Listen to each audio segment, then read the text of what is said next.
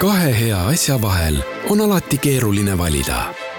kas eelistada uusimat tehnoloogiat või elegantsemat välimust? uue Toyota Camry täishübriidelektriautoga on valik lihtne. see on lipulaeva elegants, mugavus ja turvalisus. uus Camry Hybrid koos viimase põlvkonna Toyota Safety Sense ohutuspaketiga. Camry Executive on nüüd eriti hea tutvumispakkumisega. vaata lisa toyota.ee. ruupor. tere, mina olen ajakirjanik Ainar Ruussaar sellist möllu pole Tartu ja kogu Eesti näinud terve oma ajaloo vältel.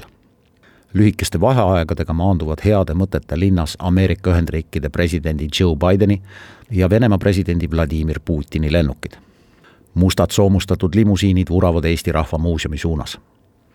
Kahe suurriigi presidentide kohtumise raamiks on täna Tartus alanud kaheksas soome-ugri rahvaste maailmakongress just hõimurahvaste maailmakongress tõi Tartusse kokku sadu delegaate ning lisaks Eesti presidendile ka Soome ja Ungari riigipead. kahekümne kolmest soome-ugri rahvast on kongressil esindatud neliteist. suurüritusele lisavad kaalu kohale sõitnud hõimurahvaste kultuuriministrid. Eesti Post andis Tartu tippsündmuse puhuks välja temaatilise postmargi ning Eesti Pank lasi soome-ugri rahvaste auks ringlusesse erikujundusega kaheeurose pühendusmündi kutse tulla Tartusse esitas Vladimir Putinile president Kersti Kaljulaid juba kaks aastat tagasi, kui ta kohtus Venemaa riigipeaga Kremlis. nagu juhuse tahtel on praegu oma esimesel Euroopa turneel Ameerika president Joe Biden.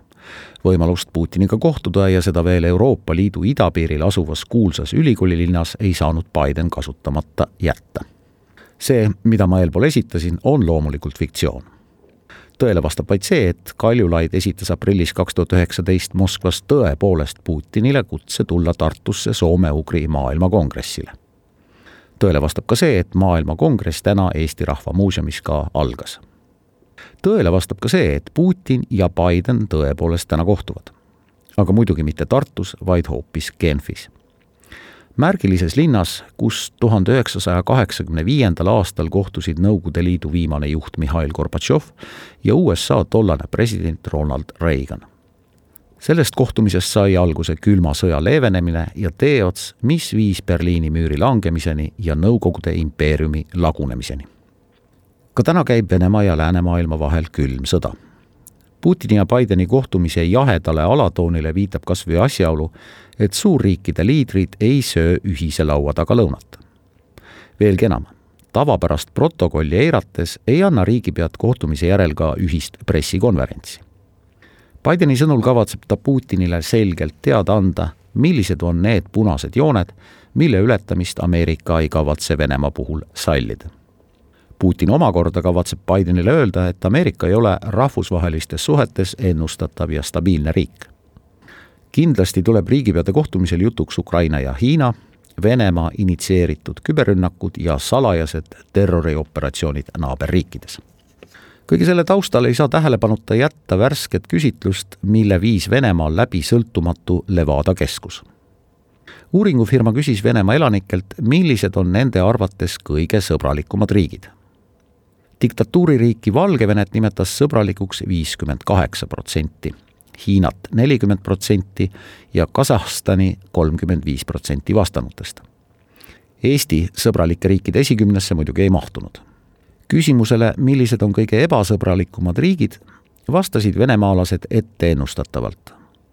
kuuskümmend kuus protsenti pidas ebasõbralikuks Ameerika Ühendriike nelikümmend protsenti Ukrainat ja kakskümmend üheksa protsenti Suurbritanniat. Eesti oli ebasõbralike riikide esikümnes viimane. üksteist protsenti Venemaa elanikest peab meid ebasõbralikuks riigiks. võrreldes kahe tuhande seitsmenda aasta pronksiöödele järgnenud hinnangutele on see isegi hea tulemus. tookord pidas Eestit ebasõbralikuks koguni kuuskümmend protsenti venemaalastest. tänane päev läheb siiski Tartu ja Eesti ajalukku sest Eesti Rahva Muuseumis käib maailma kõige suurem soome-ugri rahvaste koostööfoorum. ruupor